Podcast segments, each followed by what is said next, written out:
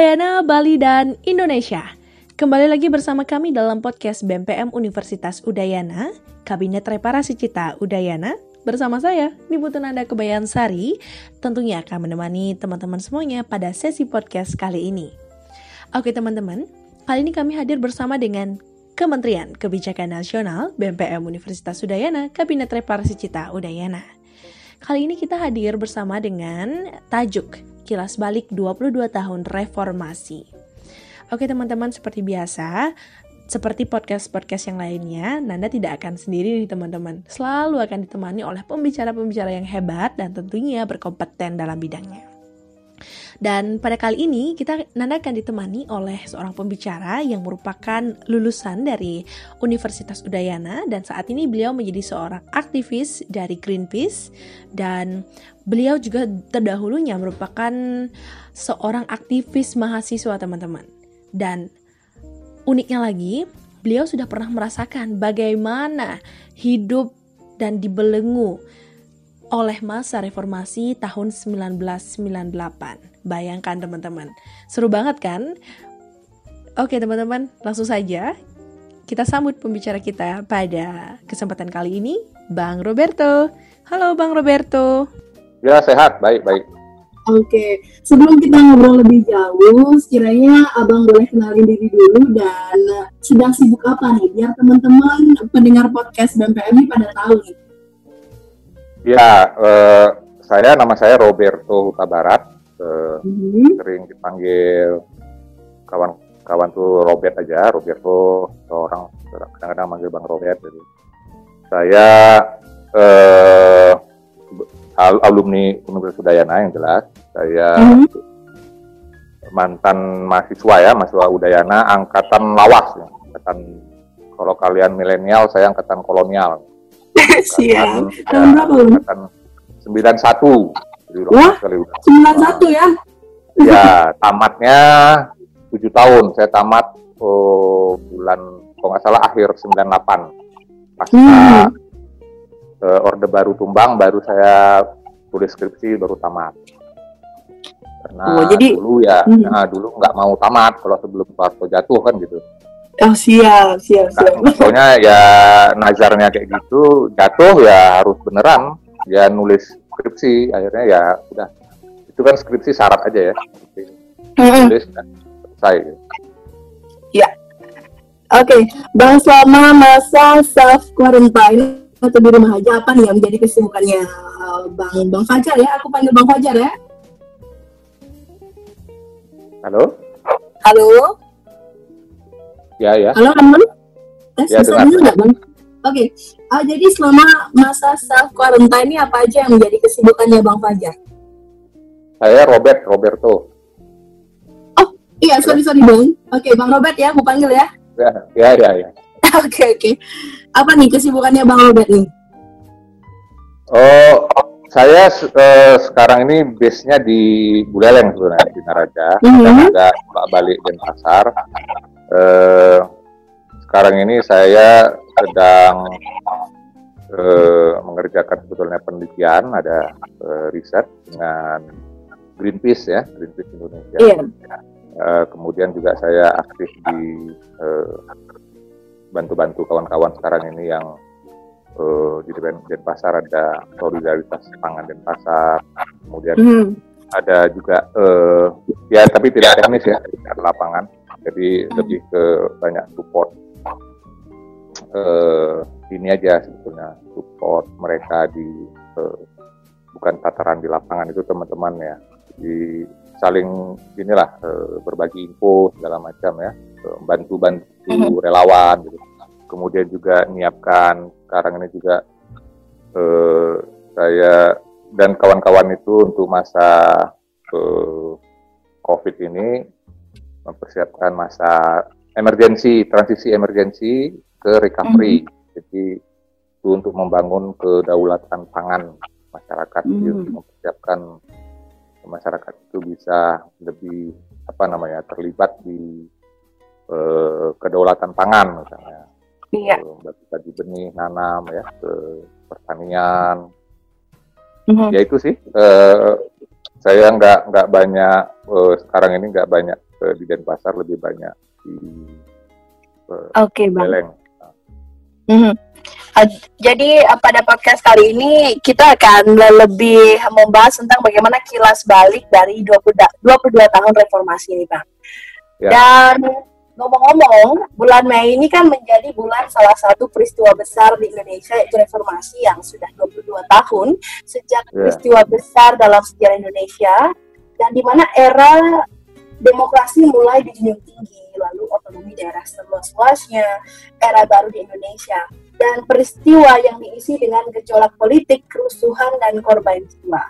Peristiwa emas sekaligus bangsa ini adalah reformasi 1998. Lalu Bang, menurut Abang sendiri nih, sebelum membahas tentang reformasi, sebetulnya bagaimana keadaan bangsa Indonesia selama masa pemerintahan Soeharto? Karena banyak orang yang dulu hidup di masa itu mengatakan kalau hidup lebih mudah, harga bahan pokok terjangkau dan terjamin, lalu pembangunan berjalan lancar.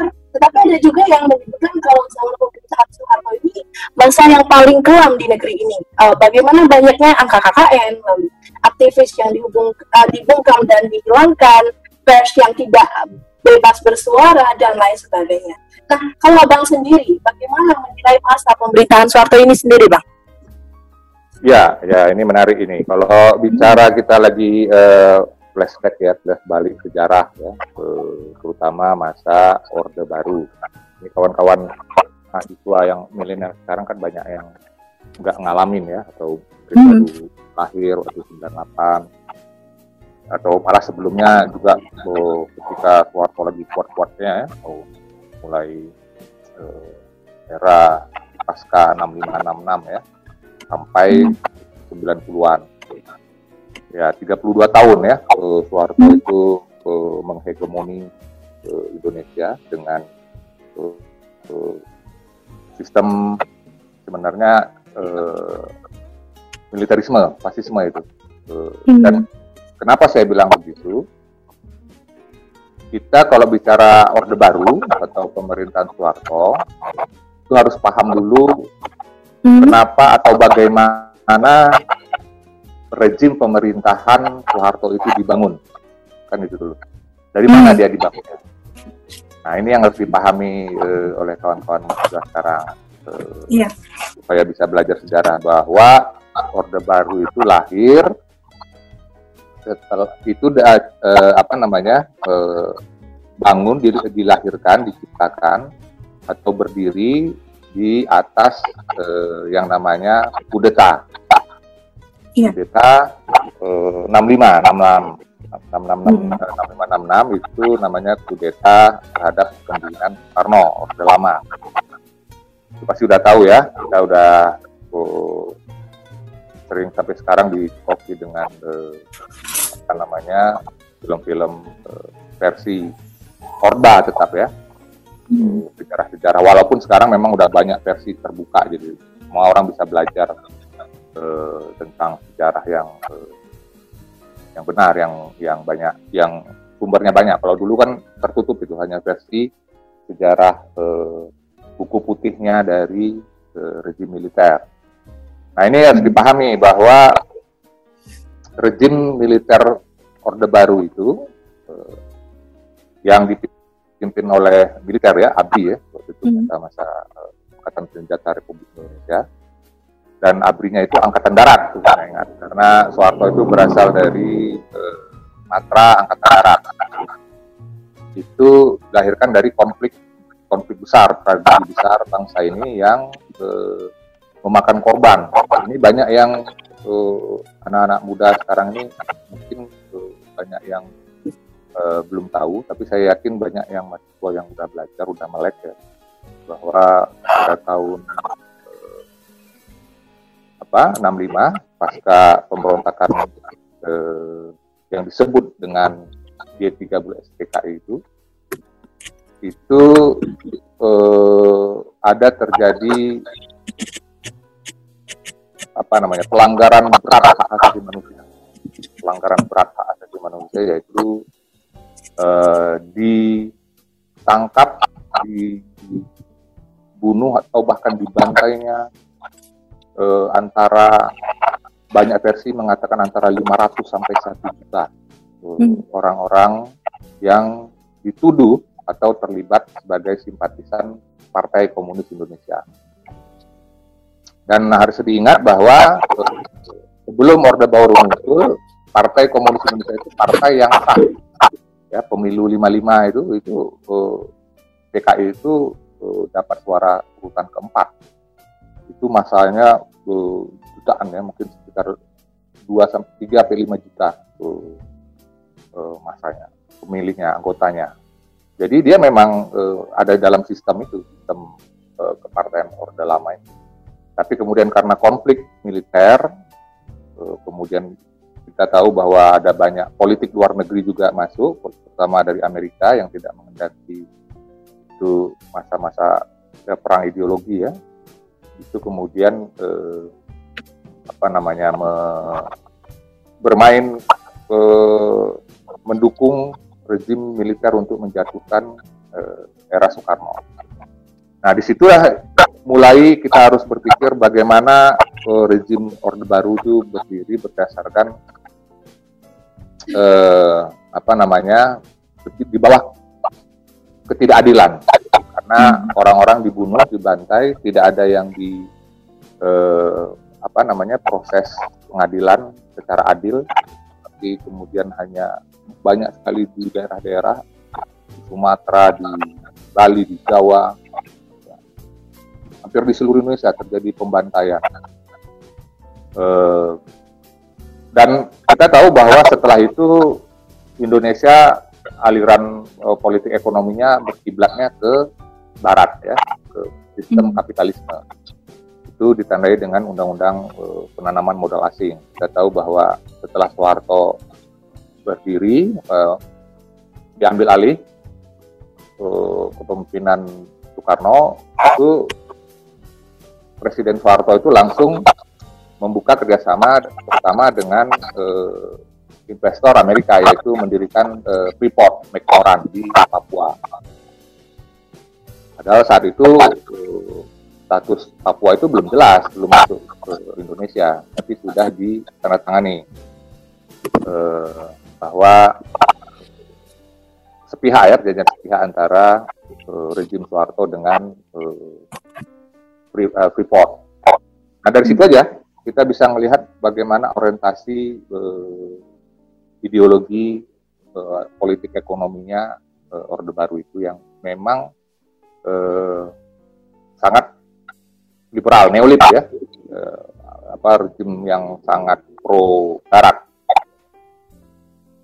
Indonesia juga kita tahu bahwa eh, apa namanya para birokrat birokrat yang terlibat membangun sistem ekonomi Indonesia itu ada istilahnya itu mafia Berkeley, lulusan-lulusan Amerika Berkeley. Jadi semuanya dipasok pemikiran-pemikiran dari Barat. Itu eh, namanya ideologi pertumbuhan ya, pembangunan. Hmm. Pokoknya yang penting eh, pertumbuhan ekonomi, Hmm. eh, prestasi besarnya pembangunan, tapi tidak dengan eh, dibangun asas keadilan atau eh, hukum itu. Jadi hukum itu di tangan di tangan seseorang, di tangan Soeharto itu, pemimpin yang eh, sangat pasti. Jadi hukum itu adalah Soeharto itu.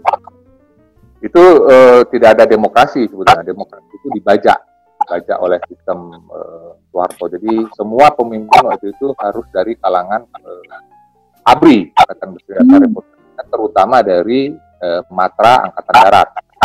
Jadi eh, kita tahu seperti Golkar, Golkar itu bukan partai ya, dia eh, sebuah apa namanya golongan yang diciptakan untuk eh, menghegemonis sistem eh, pemerintahan Indonesia. Jadi semua pegawai negeri harus masuk Golkar. gitu. Jadi nggak ada yang namanya pegawai negeri waktu itu netral nggak. Pegawai negeri itu harus eh, apa? Otomatis dia harus masuk ke dalam sistem apa namanya eh, yang dibangun oleh Soeharto itu. Jadi demokrasi nggak ada, demokrasi semua semua. Pemilihan umum itu pemilihan umum beberapa kali Soeharto itu ya hanya eh, formalitas saja. Semuanya demi untuk eh, memenangkan kembali eh, rezim Soeharto. Makanya dia bisa bertahan selama 32 tahun. Ya kalau artinya ada yang dia membangun ya udah pasti. Siapa yang rezim mana mana pun eh, bisa membangun ya dengan uang pinjaman ya, uang investor itu bisa. Cuman kan yang terjadi sebetulnya adalah pendiaman terutama pendiaman, pembungkaman terhadap eh, keadilan ya, terhadap eh, ke, uh, apalagi terhadap uh, sistem demokrasi, sistem keterbukaan, sistem ekonomi yang adil gitu. Jadi seluruh ekonomi itu dipegang oleh elit-elit. Makanya akhirnya terjadi uh, korupsi atau KKN dulu dibilang korupsi, korup, uh, kolusi dan nepotisme itu merajalela karena semuanya ditentukan oleh uh, kebijakan negara itu oleh tangan besi. Rakyat harus nurut, kalau enggak ditangkap. Itu bukan cuma ekonomi, hampir semua lini itu, sampai ke persoalan pertanian pangan aja itu juga di uh, hegemoni oleh negara. Orang tidak boleh menanam dengan eh, cara-cara uh, tradisional, harus menggunakan eh, cara-cara uh, yang disebut dengan revolusi hijau atau dulu di, disebut dengan bimas ya, bimbingan massal pertanian. Itu harus menggunakan eh, benih-benih dari pabrik, pupuk kimia. Jadi udah diprogram gitu. Kemudian pendidikan sistem pendidikan pertanian juga di hegemoni. Itu uh, ingat bahwa rezim Soeharto menghegemoni itu lewat pendidikan juga. Uh, didirikan IPB ya, Institut Pertanian Bogor itu dulu adalah uh, untuk di dalam dunia pertanian itu yang mengkampanyekan uh, pemakaian penggunaan uh, per, uh, sistem pertanian revolusi hijau yang berbasis pada uh, industri, pabrik, mesin, uh, pertanian kimia. Nah itu banyak uh, sejak itu ya pengetahuan-pengetahuan lokal hilang karena petani tidak boleh uh, menggunakan sistem uh, yang lama atau tradisi yang lama. Ada banyak, ada banyak kalau kita nggak habis-habis kalau cerita uh, soal rezim Soeharto. Jadi ya, intinya memang uh, rezim itu mengakumulasi modal dan uh, keuntungan itu hanya di pihak-pihak elit saja. Yeah. Uh, masyarakat di bawah itu uh, diberi remahan-remahan ya. Ingat dulu kebijakan ekonominya trickle down effect ya. Trickle down effect mm. itu men dampak menetes ke bawah gitu. Jadi ada investasi nanti toh juga katanya uh, uh, apa namanya pertumbuhan ekonomi itu nanti akan yang di bawah akan kena tetesannya gitulah kira-kira. Ada yang yang yang di bawah yaitu uh, tetesan air mata yang dapat bangunan. Oke okay, bang, menarik sekali. Lalu jika berbicara masalah reformasi ini bang, reformasi ini dianggap sebagai peristiwa yang sangat penting bagi Indonesia Nah, menurutnya uh, Bang Roberto di sini, arti reformasi bagi Indonesia itu seperti apa dan mengapa peristiwa reformasi itu uh, sebegitu berarti? Dan lantas seperti apa perjuangan untuk meraih reformasi itu? Mungkin bisa dijelaskan karena Abang juga kan ikut waktu itu kan pada pada tahun ya. perjuangan apa namanya 1998 itu kan Bang ya? Iya, iya.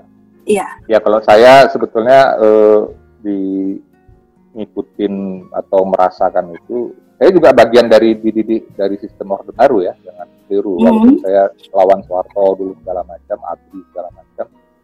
Ingat bahwa saya dididik dalam sistem yang sangat orba. Karena eh, saya SD SMP SMA itu nggak tahu apa apa baru mm -hmm. setelah kuliah baru saya dapat setelah saya merantau. Karena saya SD di kebetulan dari Sumatera Utara ya.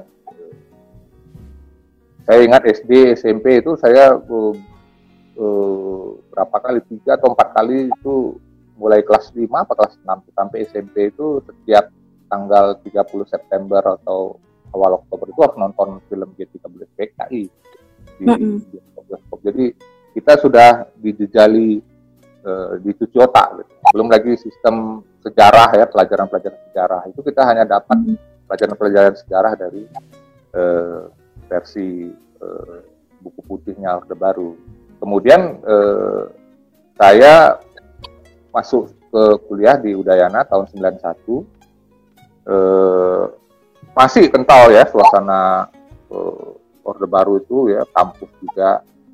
Hmm. dan di mana-mana saya kira itu sampai saya terlibat aktif dalam dunia gerakan itu sebenarnya nggak panjang itu dari tahun 93 sampai 95 aja.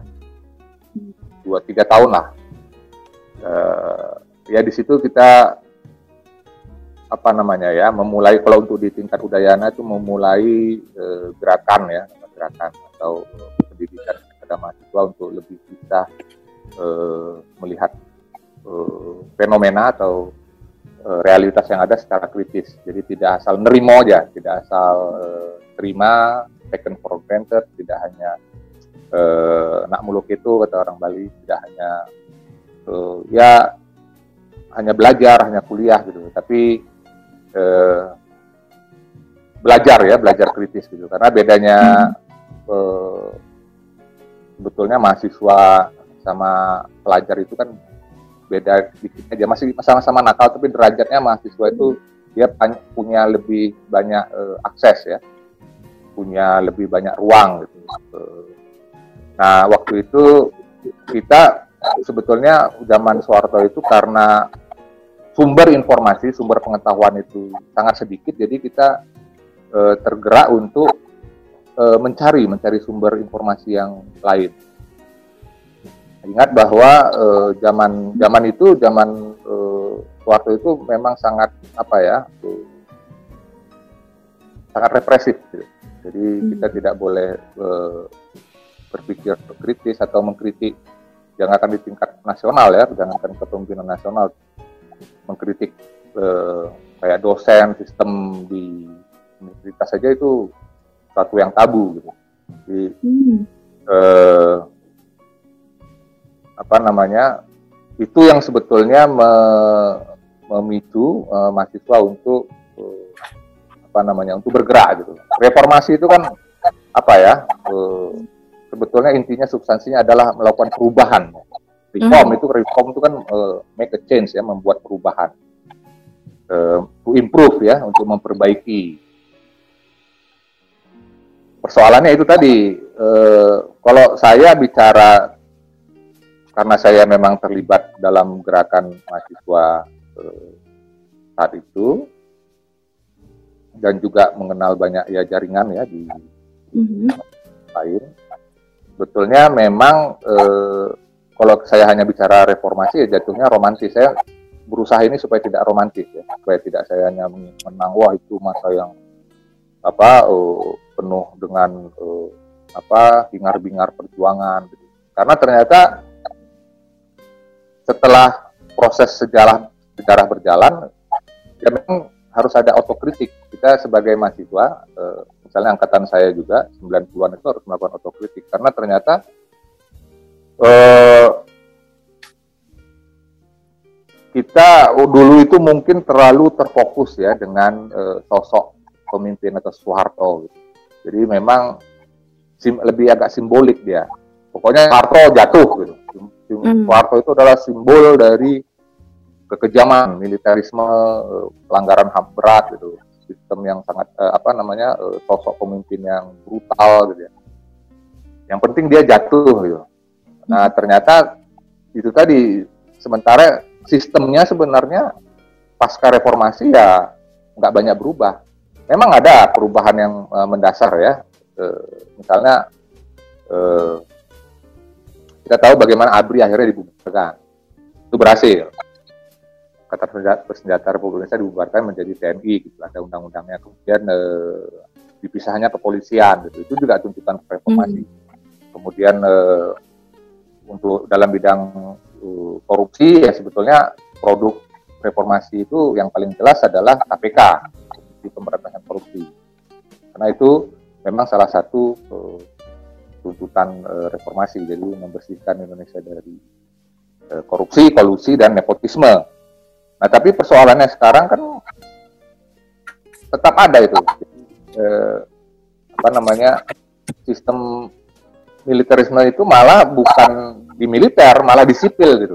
Orang-orang sipil ini banyak ingin jadi militer. Gitu. Korupsi itu bukan cuma di waktu itu Golkar, sekarang kita lihat korupsi itu di seluruh partai itu melakukan korupsi. Kita lihat bisa ada datanya itu di KPK bagaimana seluruh partai uh, yang uh, berkuasa atau partai yang masuk dalam uh, elektoral threshold yang bermain dalam pemilu itu hampir semuanya terlibat dalam korupsi. Gak ada yang bebas korupsi, nggak ada yang zero korupsi itu nggak ada. Karena ini sistemnya, ini persoalan sistem yang sebetulnya lalai eh, bahwa produk eh, apa namanya bahkan angkatan saya pun sekarang ini yang sudah masuk ke dalam sistem itu menjadi nyaman, dia menjadi menjadi Soeharto baru, dia menjadi militer yang baru, dia menjadi orde baru yang dulu dilawannya.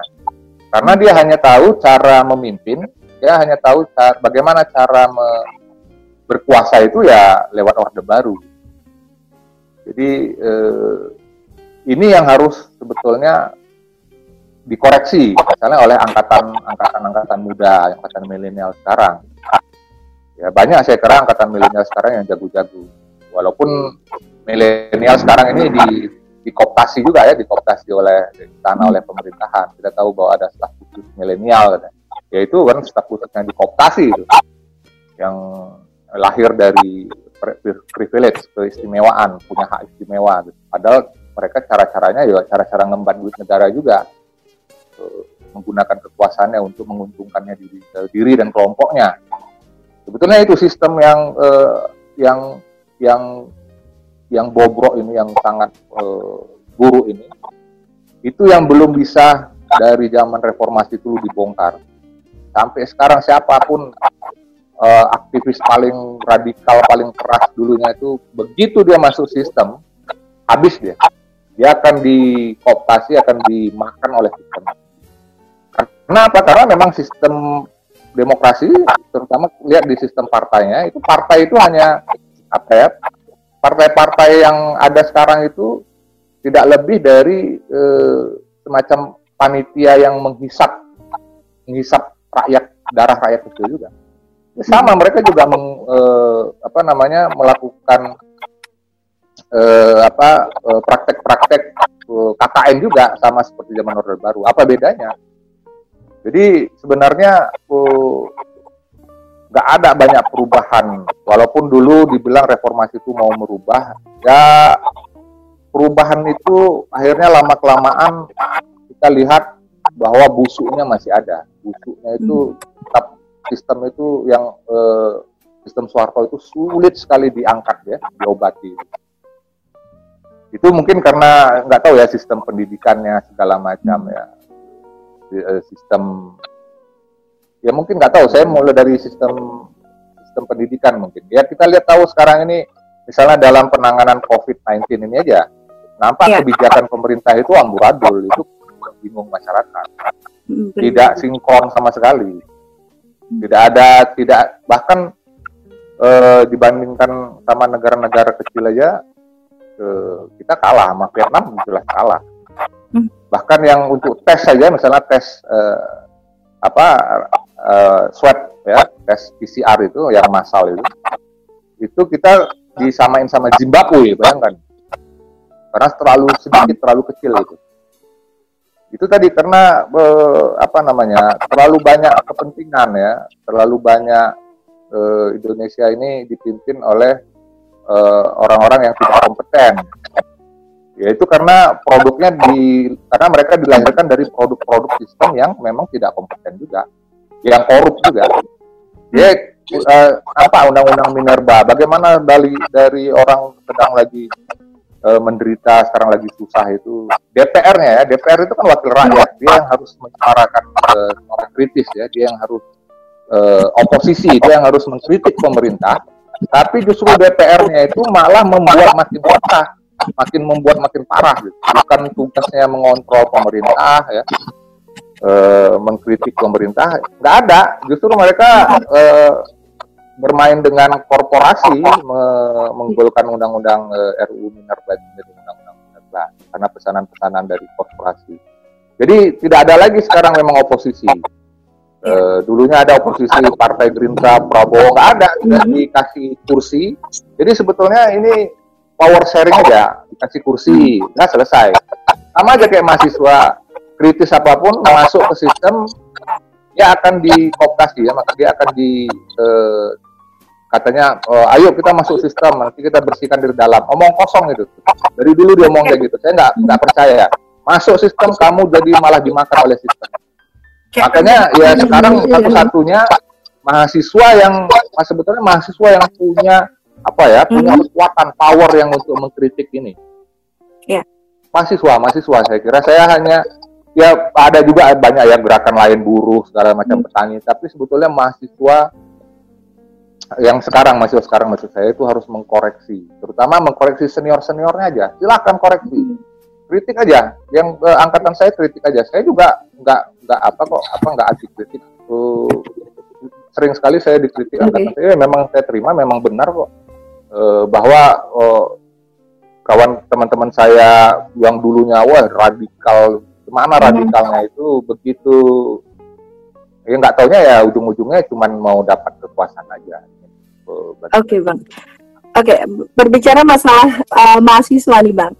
Yeah. Ya. Uh, dari sudut pandang seorang uh, bang Roberto, lantas yeah. uh, reformasi ini sering dikaitkan dengan apa namanya mahasiswa peran mahasiswa. Nah di sini memangnya kenapa sih demikian? Kenapa sih uh, mahasiswa selalu apa ada kaitannya dengan apa yang kita sebut sebagai reformasi itu sendiri dan sebesar apa sebenarnya peran seorang mahasiswa dalam reformasi itu sendiri, Bang?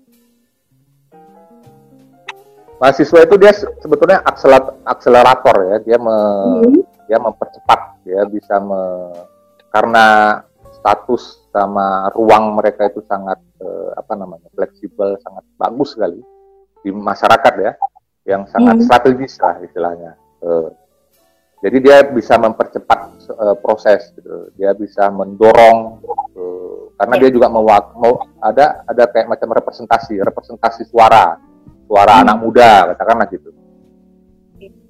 Makanya kenapa dia kelompok strategis uh, mahasiswa ini dan paling dari dulu sampai sekarang kelompok mahasiswa ini menjadi target kooptasi negara Ingat hmm. dari dulu sampai sekarang eh, sampai sekarang juga ada ya eh, organisasi organ-organ mahasiswa termasuk mungkin eh, BEM juga, tapi yang kalau saya lihat tuh organ-organ mahasiswa yang eh, punya hubungan dengan eh, apa namanya seniornya. Itu kelompok hmm. misalnya kelompok-kelompok Cipayung misalnya GMNI, HMI, PMII, PMKRI, GMKI, GMKI. Ya itu istilah sekarang itu mereka ada kakak pembinanya. Ya, ada hmm. senior-seniornya Nah, itu saya kira uh, apa namanya ya, walaupun saya nggak tahu banyak sekarang uh, kondisinya, tapi mm-hmm. sistem sistem itu kalau itu masih dipakai pengkotak-kontakan pengkotak-kontakan uh, organisasi itu kemudian uh, disokong oleh senior-senior yang duduk di kekuasaan, maka itu ya begitu berputar-putar gitu aja, jadi lingkaran setan aja. Mm-hmm.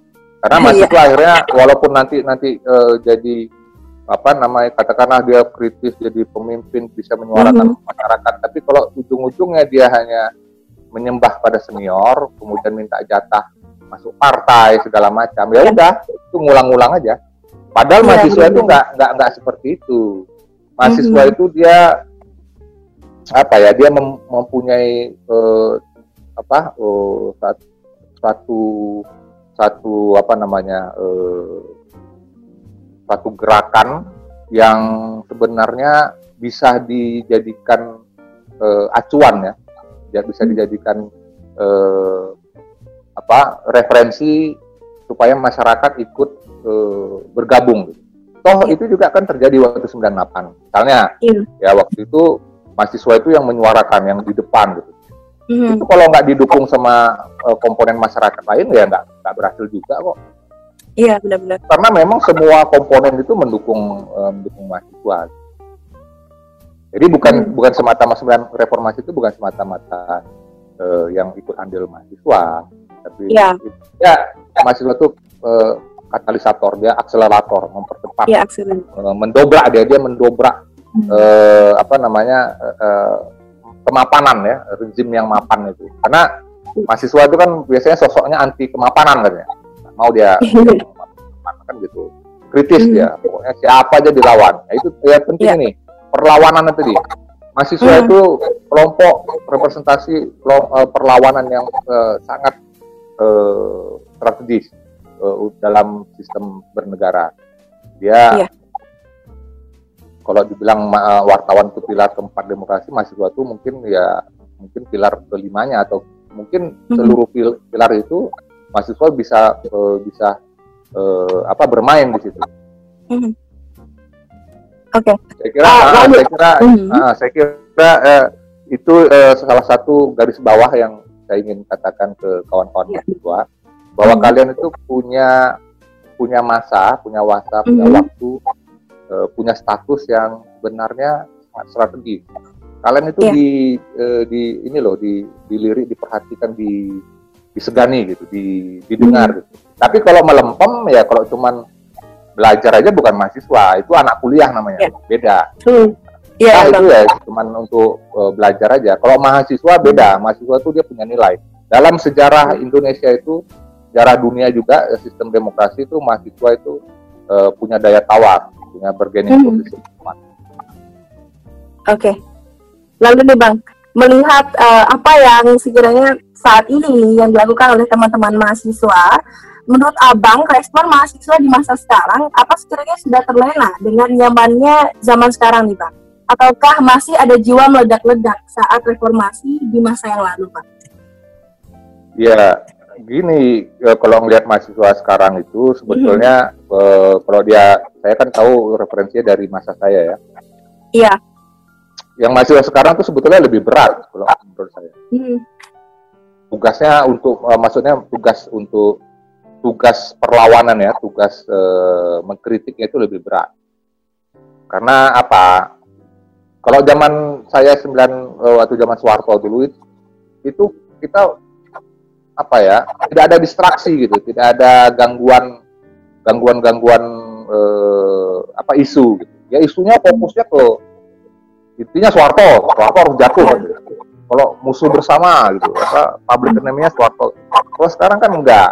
Apalagi ma kalian mahasiswa ini bebannya berat sekali. Ada masa kuliah katanya ya diatur yeah. tahun. Kalau dulu kita ya, mau kuliah 10 tahun juga nggak apa-apa gitu. Mm. uh, uh, kuliah juga uh, uh, apa uang kuliah juga nggak berat gitu. Satu semester saya dulu satu semester 70 apa 80 ribu itu ya enam bulan hmm. gitu. Uh, ya walaupun memang tingkat inflasi ya kita ini dulu uh, besar, tapi yang nggak terlalu berat. Kalau sekarang saya dengar juta, dua belas juta, delapan juta. Iya bang. Uh, sistemnya ya yang sangat bisnis ya, karena universitas sekarang dia harus mencari uang sendiri gitu. Iya. Di orientasi bisnisnya itu sangat kental, bukan orientasi pendidikan. Uh, hmm. Dan sekarang mahasiswa sekarang itu uh, ada dua sisi. Mereka sebetulnya sangat punya apa namanya ya uh, instrumen yang banyak sekali, kuat sekali, terutama dari teknologi informasi, teknologi uh, media sosial. Tapi itu juga yang bisa melemahkan, karena media sosial juga itu yang membuat distraksi itu kan, cepat sekali berubah aplikasi, isu, belum lagi yang uh, apa tren-tren segala macam uh, itu yang nggak ada dalam masa dulu waktu zaman uh, 980-an 90-an. Kalau sekarang kan waduh oh mahasiswa itu kalau untuk bergerak sebetulnya bisa cepat karena bi mereka bisa mengorganisir lewat, lewat teknologi. Ya, Tapi itu juga yang bisa menghalangi mereka karena uh, apalagi banyak yang uh, akhirnya karena ingat ya ini apa namanya licikan kapitalisme itu. Kapitalisme ingat bahwa prinsipnya mereka selalu menciptakan kebutuhan baru. Uh, dia buat kebutuhan baru dia membuat uh, hiburan. Kapitalisme itu yang paling bahaya kan dia mem membuat hidup enak ya nyaman. Iya. nah, mahasiswa juga uh, main game dia lupa dah dia hmm. kritik uh, pemerintah gitu. Dia kasihkan main game kasihkan aplikasi. Jadi daya kritisnya ditumpulkan. Tapi kalau untuk dapat informasi sebetulnya mahasiswa sekarang waduh mereka bacaannya gila-gila kan. Wah, mereka bisa mengakses buku apa pun buku baru pun mereka bisa akses lewat eh, apa namanya teknologi informasi. Beda dengan kita dulu kita nggak bisa nunggu nunggu apa namanya buku-buku yang dari luar atau yang penulis baru itu harus nunggu berbulan-bulan dulu gitu. Menghubungin orang eh, apa namanya menghubungin orang-orang misalnya eh, tokoh-tokoh akademik yang kritis segala macam itu nggak sus uh, susah dulu ya. Kalau sekarang kan gampang. Hmm. Uh, ada teknologi nih. Ini kalian dari Denpasar saya Singaraja pakai Zoom, ah, udah bisa. Iya.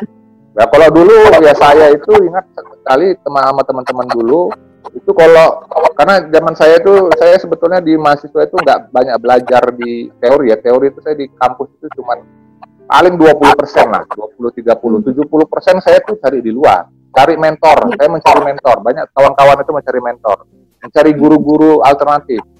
Karena yang kita tahu di kampus itu uh, teorinya atau yang dikasih itu ya cuma mengulang aja itu uh, apa namanya pendidikan rezim ya, ya yang positivistik empiris yang tidak kritis. Jadi kita mencari mentor itu kayak macam berguru. Pergi ke misalnya ke Jawa ke Jawa Tengah ke Jogja ke Jakarta atau di Bali kita cari guru guru politik.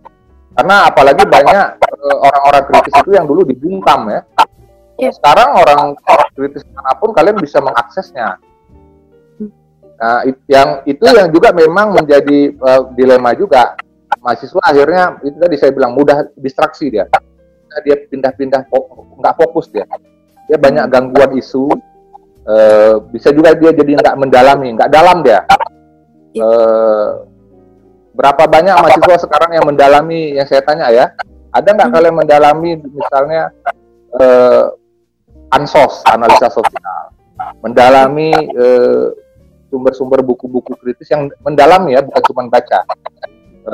teori-teori sosiologi kritis ya, teori-teori sosial apolitik yang kritis. Ya baca mungkin uh, mahasiswa sekarang bisa banyak bacanya. Tapi bagaimana dengan uh, melakukan praksisnya prakteknya? Nah itu itu yang mungkin uh, mahasiswa sekarang itu karena problem apa namanya kemajuan teknologi informasi ini uh, itu menjadi tantangannya. Saya nggak bilang mahasiswa nggak ada terlibat ya karena saya tahu ada mahasiswa yang juga sekarang ini terlibat di gerakan-gerakan lokal ya gerakan-gerakan hmm. rakyat. Ya tapi ya itu tadi itu seberapa? Karena dominasinya kan ya masih ya di kampus masih yang eh, apa apa eh, kayak hidup semacam resi ya semacam menara gading gitu kalau istilahnya kita dulu. Bahwa oh, kampus itu oh, kelompok yang oh, eksklusif gitu. baru turun kalau ada masyarakat eh, menjerit atau protes gitu. Tapi bagaimana dengan eh, keterlibatan karena mahasiswa nggak bisa nggak cuma bisa belajar teori-teori aja harus hmm. harus masuk ya kalau mahasiswa dulu banyak terlibat ya dulu ada kasus gedung ombo segala macam hmm. uh, ada banyak kasus uh, buruh segala macam nah itu mahasiswa terlibat kalau kalau sekarang kan ya kita tanya lagi ke mahasiswa ada nggak mereka uh, terlibat dalam uh, apa gerakan masyarakat uh, yang lain gitu ya petani hmm. buruh Gimana dengan gerakan-gerakan lokal gitu ya? ya. Karena nggak bisa kita katakanlah kemarin itu mahasiswa buat kejutan ya, mahasiswa sekarang ini tahun lalu yang member ya dengan uh, gerakan hmm. reformasi di korupsi itu memang mengejutkan gitu. Uh, banyak yang uh, apa pemerintah pusat itu nggak mengantisipasi. Wah bisa tiba-tiba uh, muncul gerakan yang sangat besar ya, yang hampir menyerupai 98 tapi ya itu tadi gerakannya bagus, eh, sangat hmm. apa eh, modelnya, karakternya eh, beda dengan gerakan eh, Budu Reformasi karena reformasi di korupsi yang tahun lalu September itu kan apa ya sangat licin gitu, sangat hmm. apa namanya mereka itu uh, tidak terstruktur gitu, tidak hmm. pemimpinnya nggak ada tokoh-tokoh segala macam kayak zaman saya dulu tidak ada struktur yang ketat, tapi bermain di semua kota, banyak kota yang terlibat gitu. Ternyata mahasiswa itu oh, mengorganisir kok gitu, muncul. Hmm. Nah problemnya dia tidak apa ya, kurang punya determinasi menurut saya. Tidak panjang mainnya, sebentar aja habis. Uh, udah reformasi reformasi selesai, ya ada lagi isu lain kan, banyak isu hmm. gitu. Jadi nggak di nggak diteruskan. Walaupun saya percaya mahasiswa mahasiswa itu tetap bergerak ya, pasti ada yang terus bergerak di bawah. Hmm. Jadi eh, menurut saya itu yang eh, teman-teman harus eh, me- menafsirkan ulang, menafsirkan ulang gerakan mahasiswanya itu. Jangan jangan jangan cuman eh, punya referensi berorientasi sama 98 atau apa senior senior gerakan mahasiswa tahun 98, 80-an segala macam. Kalian harus mencetak, menciptakan sejarah sendiri. Gunakan misalnya teknologi informasi segala macam jaringan itu eh, atau gunakan apa namanya cara-cara yang eh, ya revolusioner bukan lagi reformasi. Kalian harus melakukan revolusi perubahan-perubahan yang eh, yang radikal. Karena itu ingat mahasiswa juga eh, masanya juga pendek ya. Iya, kalian kan pendek mahasiswanya ya BEM aja cuman jadi cuman setahun jadi iya. saya ini. Sama aja kayak saya dulu juga saya pernah jadi ketua ketua senat fakultas sastra 95 aja ya itu masa itu aja.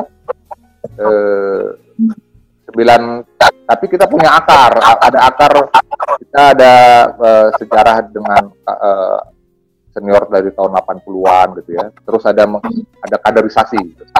Uh, walaupun itu tetap batasannya paling 2-3 tahun. Saya aktif jadi waktu itu di gerakan mahasiswa paling 93, 91, 92 itu kan uh, teori-teori ya kuliah jadi anak baik iya. segala macam, penasaran P4 segala macam.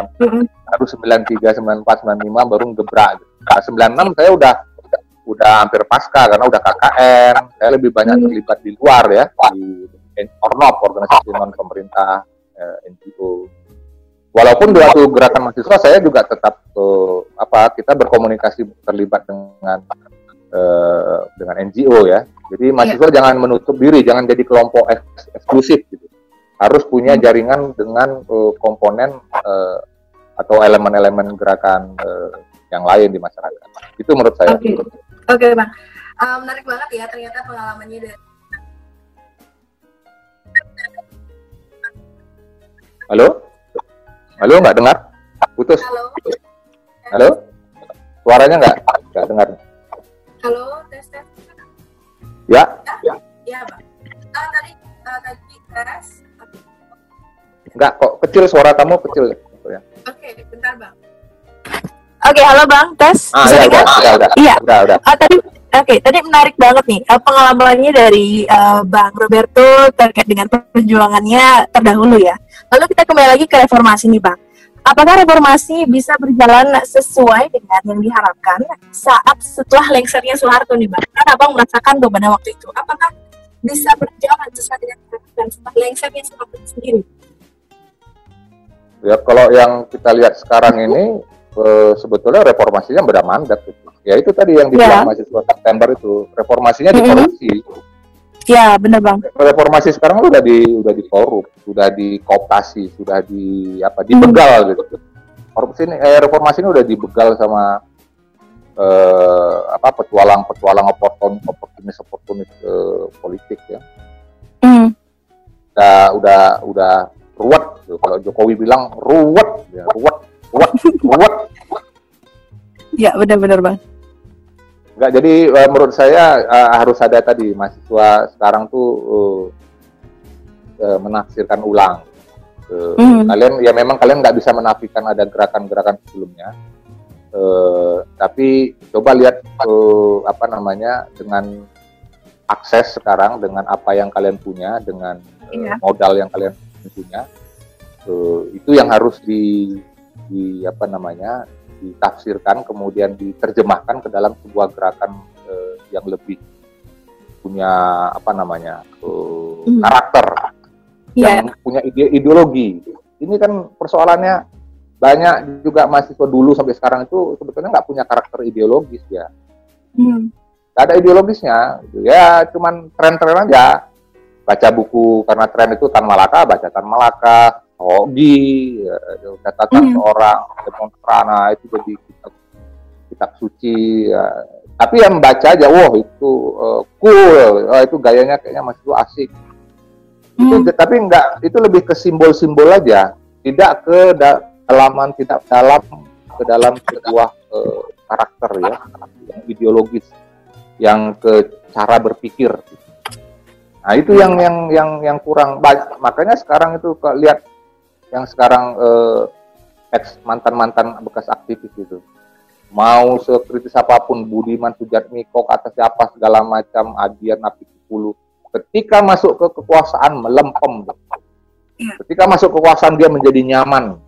Dia hmm. menjadi ya udah menjadi budak-budak dari kapitalisme itu lagi. Nggak dia udah lupa itu. Wah perjuangan buku apa Tan Malaka dulu PRD Karmat segala macam habis sudah lupa dia yang hmm. penting sekarang katanya eh, gimana nih ngolah kan ya kan. Gimana nih proyek jalan gimana nih gerbong gimana gerbong gerbong oh, kawan-kawanku nih bi biar aku biayai. Yang penting eh, dapat uang rebut kekuasaan eh, bagi-bagi ke teman-temannya. Ya udah main gerbong ke gerbong aja. Dia nggak nggak melihat ke sistem yang mendasar. Dia nggak bisa mendobrak sistem partai itu. Mana berani coba Budiman Sujatmiko yang kata radikal adian itu. Berani dia mengkritik eh, Megawati? Nggak ada karena ya yang mengkritik yang berani yang masih masih masih kita di luar lah. Saya saya mungkin kalau saya memilih masuk PDI ya nggak bisa. Saya dikooptasi hmm. makanya jalannya eh, jalannya adalah itu tadi yang saya bilang kita kadang-kadang hanya tahu cara berkuasa itu dengan cara-cara orde baru. Cara-cara orde baru itu kan gitu. Kalau kalian mau berkuasa, kalian harus masuk sistem, harus yeah. masuk partai. Gitu. Kan nggak kayak gitu. Kenapa harus masuk partai? Udah tahu partainya bobrok, udah partainya uh, korup semua, partainya sistemnya uh, sistem senioritas, tidak ada demokrasi. Mana ada demokrasi? Di PDIP ada demokrasi, nggak ada. Itu pseudo demokrasi itu demokrasi seolah-olah. Partai demokrat nggak ada demokrasi. Partai-partai itu dibangun oleh uh, oligarki dibangun oleh uh, dinasti. Dibangun oleh orang-orang tokohnya lebih kepada figur.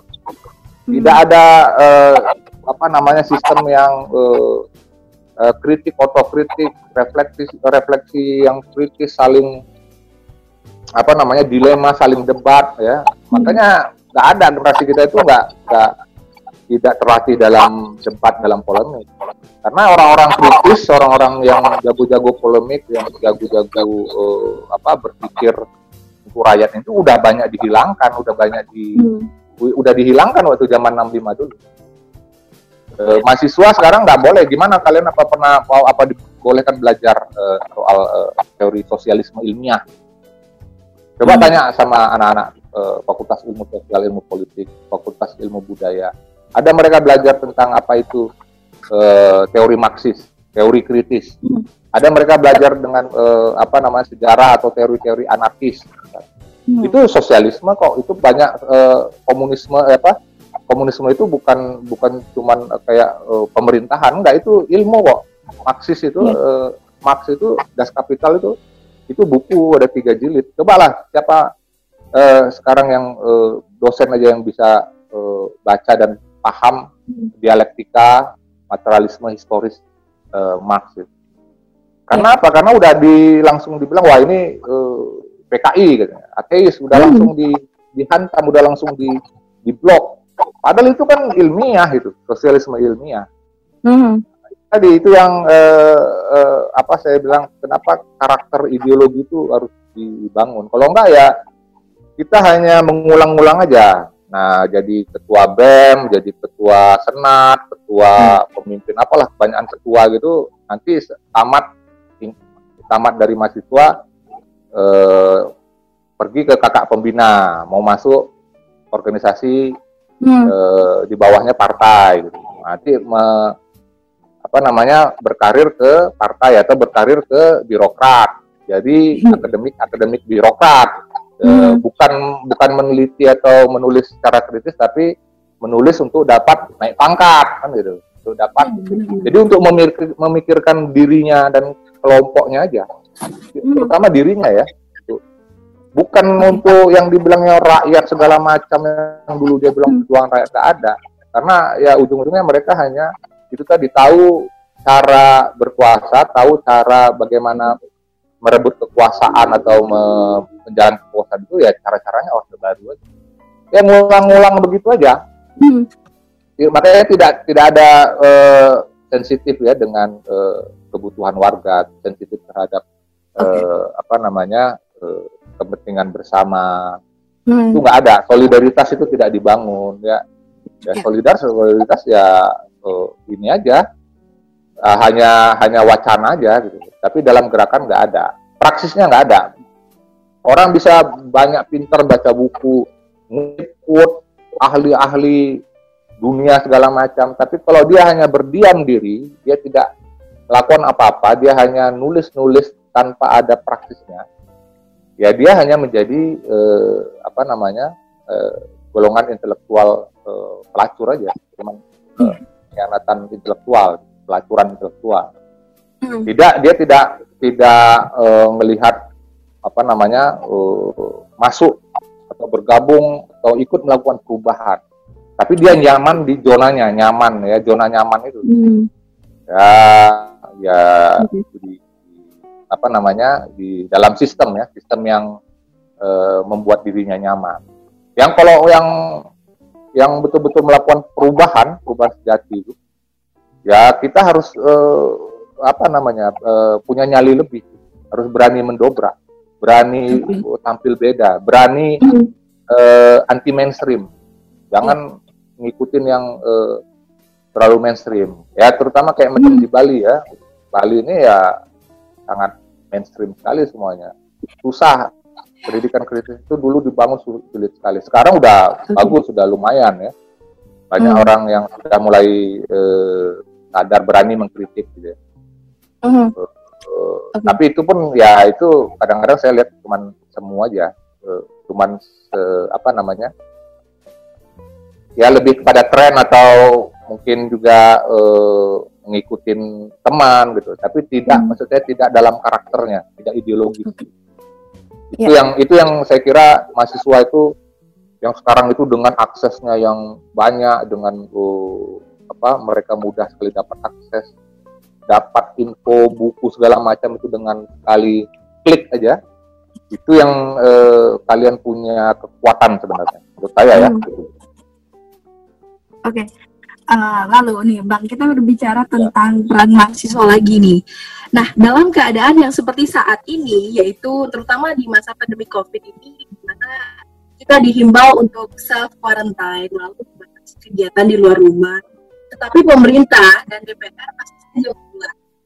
Setelah beberapa minggu yang lalu ditetapkan membahas um, masih saja untuk membahas omnibus law dan yang terbaru ada informasi bahwasanya mengesahkan RUU RUU Minerba yang merupakan salah satu poin tuntutan reformasi di korupsi kemarin nih bang September kan yeah. tahu kan bang gerakannya itu nah tahu. sekiranya lantas sebagai seorang mahasiswa apa yang kita harus lakukan dari sudut pandang seorang mahasiswa keadaan seperti ini? Saya kira sekarang ini, hmm. ini mahasiswa itu kan tadi saya bilang kalian sudah uh, melek ya, melek informasi. Ya, ya. Kalau sudah pasti kalian tuh tinggal baca, tinggal buka platform apa pun udah udah dapat, terutama di hmm. Uh, apa entah itu media online atau uh, Facebook segala macam ya. Jadi kalian nggak akan uh, kekurangan informasi lah. Malah itu tadi saya bilang berlebih, overlap, distraksi gitu, uh, gang gangguannya banyak. Uh, tinggal fokusnya aja. Mahasiswa tuh mau fokus, kadang-kadang kan nggak fokus dia. Terlalu banyak isu, terlalu banyak uh, gangguan, terlalu banyak semuanya mau apa uh, mau di dikomentari. Hmm. Ini yang harus lebih fokus. Kalau mau uh, mengkritik itu tadi produk undang-undang, ya udah itu aja. Hmm. Sikat itu DPR itu. Yang DPR ini memang harus sikat. Ini karena sistem partai mereka itu, ya itu melahirkan saya bilang tadi oportunis-oportunis uh, kekuasaan dan apa namanya uh, budak-budak oligarki. DPR ini kan hmm. budak-budak oligarki semua nih. Budak mereka nih eh, karena mereka dibiayai oleh eh, kapitalis ya, dibiayai oleh eh, pemodal ya. Yeah. Itu intinya yang harus dipahami. Ya, ya udah mereka hmm. eh, tinggal memuluskan aja eh, agenda-agenda kapitalis. Dia nggak peduli apa itu segala macam eh, perubahan iklim ekologis berkeadilan aduh yang penting itu sekarang tuh gimana aku bisa nanti pemilu berikutnya aku punya modal Iya. modalku kemarin udah habis Hmm. cari modal cari itu cara-cara berpikir bandit-bandit politik ini ini Siap, siap. mahasiswa mahasiswa harus lebih keras Ya, saya ini sebetulnya udah keras mahasiswa harus lebih keras lagi untuk eh, melakukan kritik fokus menghantam ini tadi eh, Hmm. arogansi dan eh, apa namanya DPR yang korup ini. DPR ini yang melakukan eh, korupsi ya. KPK, KPK, KPK itu udah di udah dimatikan sama DPR kan undang-undang KPK kemarin. Kan reformasi di korupsi itu saat yang undang-undang eh, KPK itu kan. Eh, sekarang KPK-nya udah dimakan buaya kok udah udah polisi yang nggak ada KPK itu udah dulu itu kan KPK itu menjadi satu-satunya harapan ya Hmm. komisi-komisi lain itu udah nggak ada lah udah dikooptasi sekarang KPK yang diharapkan udah dikooptasi juga sama negara. Sudah di sudah apa namanya orang-orangnya eh, apa pem- rejim semua yang pro pro rejim semua. Nggak ada lagi udah mati itu KPK itu udah jadi udah jadi departemennya kepolisian udah jadi eh, cabangnya kepolisian itu. Nggak ada padahal eh, korupsi eh, KPK itu dibangun itu eh, independen dia. Itu tidak tidak bisa eh, apa namanya eh, dipengaruhi oleh ke- kekuatan eh, politik. Dia harus eh, apa namanya eh, ad hoc ya. Karena negara kita masih negara korup dia harus punya kekuatan super power dia. Menghantam menciduk siapa pun.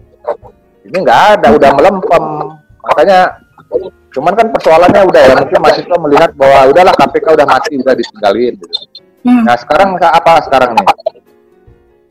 Eh, di tengah wabah pandemi itu ternyata DPR menggunakan masih juga gitu praktek loloskan undang-undang yang eh, pro korporasi.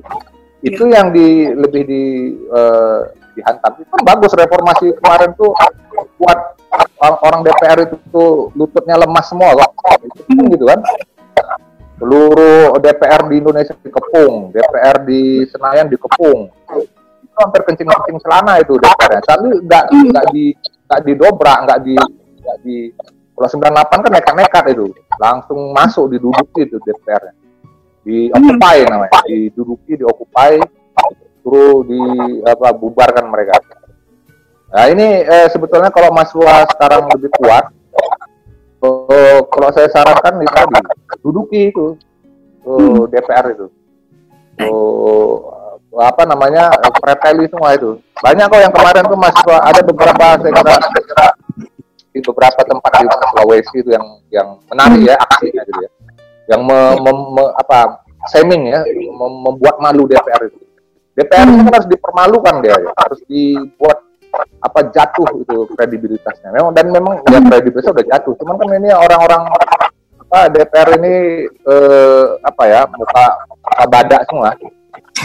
Udah nggak peduli dia dengan kritik itu nggak peduli. Ya mereka udah dapat dapat kekuasaan kok, dapat bagi-bagi bagi-bagi apa duit negara kan. Mereka Iya. dapat eh, tunjangan, gaji besar, Iya benar. Bang. rumah, mobil, udah udah Hmm. udah enak.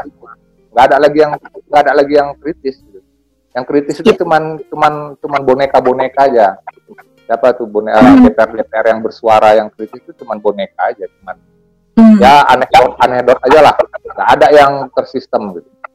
Ini ini kalau kayak gini gawat ini bisa eh, negara ini memang dibilang kita NKRI harga mati bullshit gitu. Ini bisa lama-lama ini orang bisa eh, marah semua. Eh, Mhm. apa namanya eh, isu untuk independen kemerdekaan eh, berdaulat itu itu eh, bisa muncul karena akhirnya masyarakat di provinsi-provinsi lain melihat bahwa ini eh, pemerintahnya sudah sangat sentralistik, sudah terpusat, udah kayak Soeharto lagi. Ini kan Neo Orba ini sekarang. Iya. Dikritik, ditangkap, dikritik. eh, polisi sekarang eh, menetapkan bahwa eh, melawan kapitalisme adalah motif kriminal. Itu kan bahaya itu. Gimana ada yang kemarin itu yang mahasiswa di mana itu yang ditangkap karena motifnya melawan kapitalisme. Ada pula eh, sekarang melawan kapitalisme itu motif kriminal itu kan udah gila itu. Ini udah Hmm. udah bahkan di di zaman eh, orde baru aja nggak ada kayak gitu gitu. Buku Iya. sekarang buku buku-buku dirazia. Gitu. ya, buku, hmm.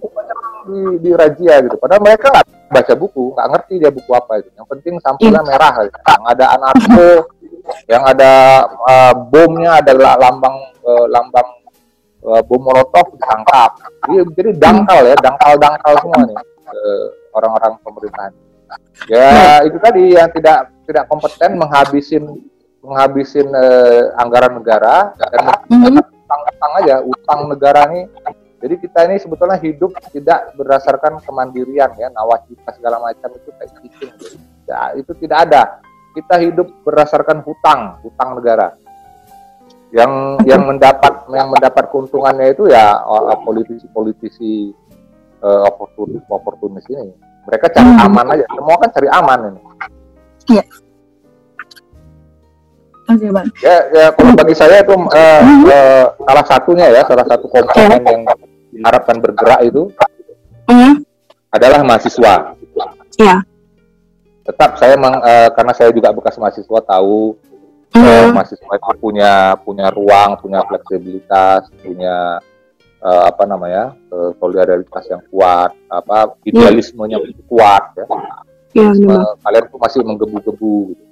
Mm. Oke. Okay. Oke okay deh, Bang Roberto sebenarnya bahasan kita nih sangat seru sekali ya, apalagi abang yang santai banget nih, uh, nyampein gini ya, apa namanya sudut pandang sudut pandangnya abang. Tapi karena memang sudah waktu dan terakhir nih bang, uh, dari sudut pandang seorang Bang Roberto, bagaimana abang menilai wajah demokrasi Indonesia saat ini setelah 22 tahun reformasi itu berjalan sekiranya bang? Ya, wajah demokrasi Indonesia makin tidak jelas. Iya. Ya menuju apa namanya dead end itu apa kayak terdesak gitu ya, jalan iya. buntu dia.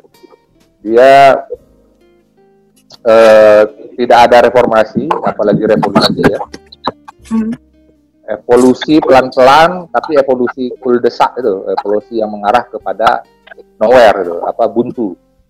Ke, itu karena demokrasi tidak dilandasi oleh keadilan. Hmm. Nah, demokrasi itu hanya untuk uh, demi mempertahankan status quo, mempertahankan uh, kekuasaan, mempertahankan akses uh, apa namanya anggaran. Jadi ketidak apa keadilan aspek keadilan itu tidak ada. Hukum itu dibangun ya kayak macam undang-undang itu kan hukum itu produk hukum hmm. kan hukum yeah. hukum normatif undang-undang ya undang-undang minerba kemarin undang KPK tapi dia dibangun berdasarkan apa berdasarkan ego ada arogansi berdasarkan greed berdasarkan keserakahan ber, hmm. berdasarkan uh, kemauan or, uh, apa sekelompok orang untuk melakukan eh, apa namanya eh, apa, tindakan sebenarnya inkonstitusional karena itu untuk kepentingan mereka hmm. tidak eh, apa eh, pasal 33 oh, enggak itu enggak ada lagi. Pasal 34 fakir eh, apa fakir miskin dipelihara negara enggak ada itu. Itu hanya cuman wacana aja hanya untuk uh, lipstick demokrasi aja.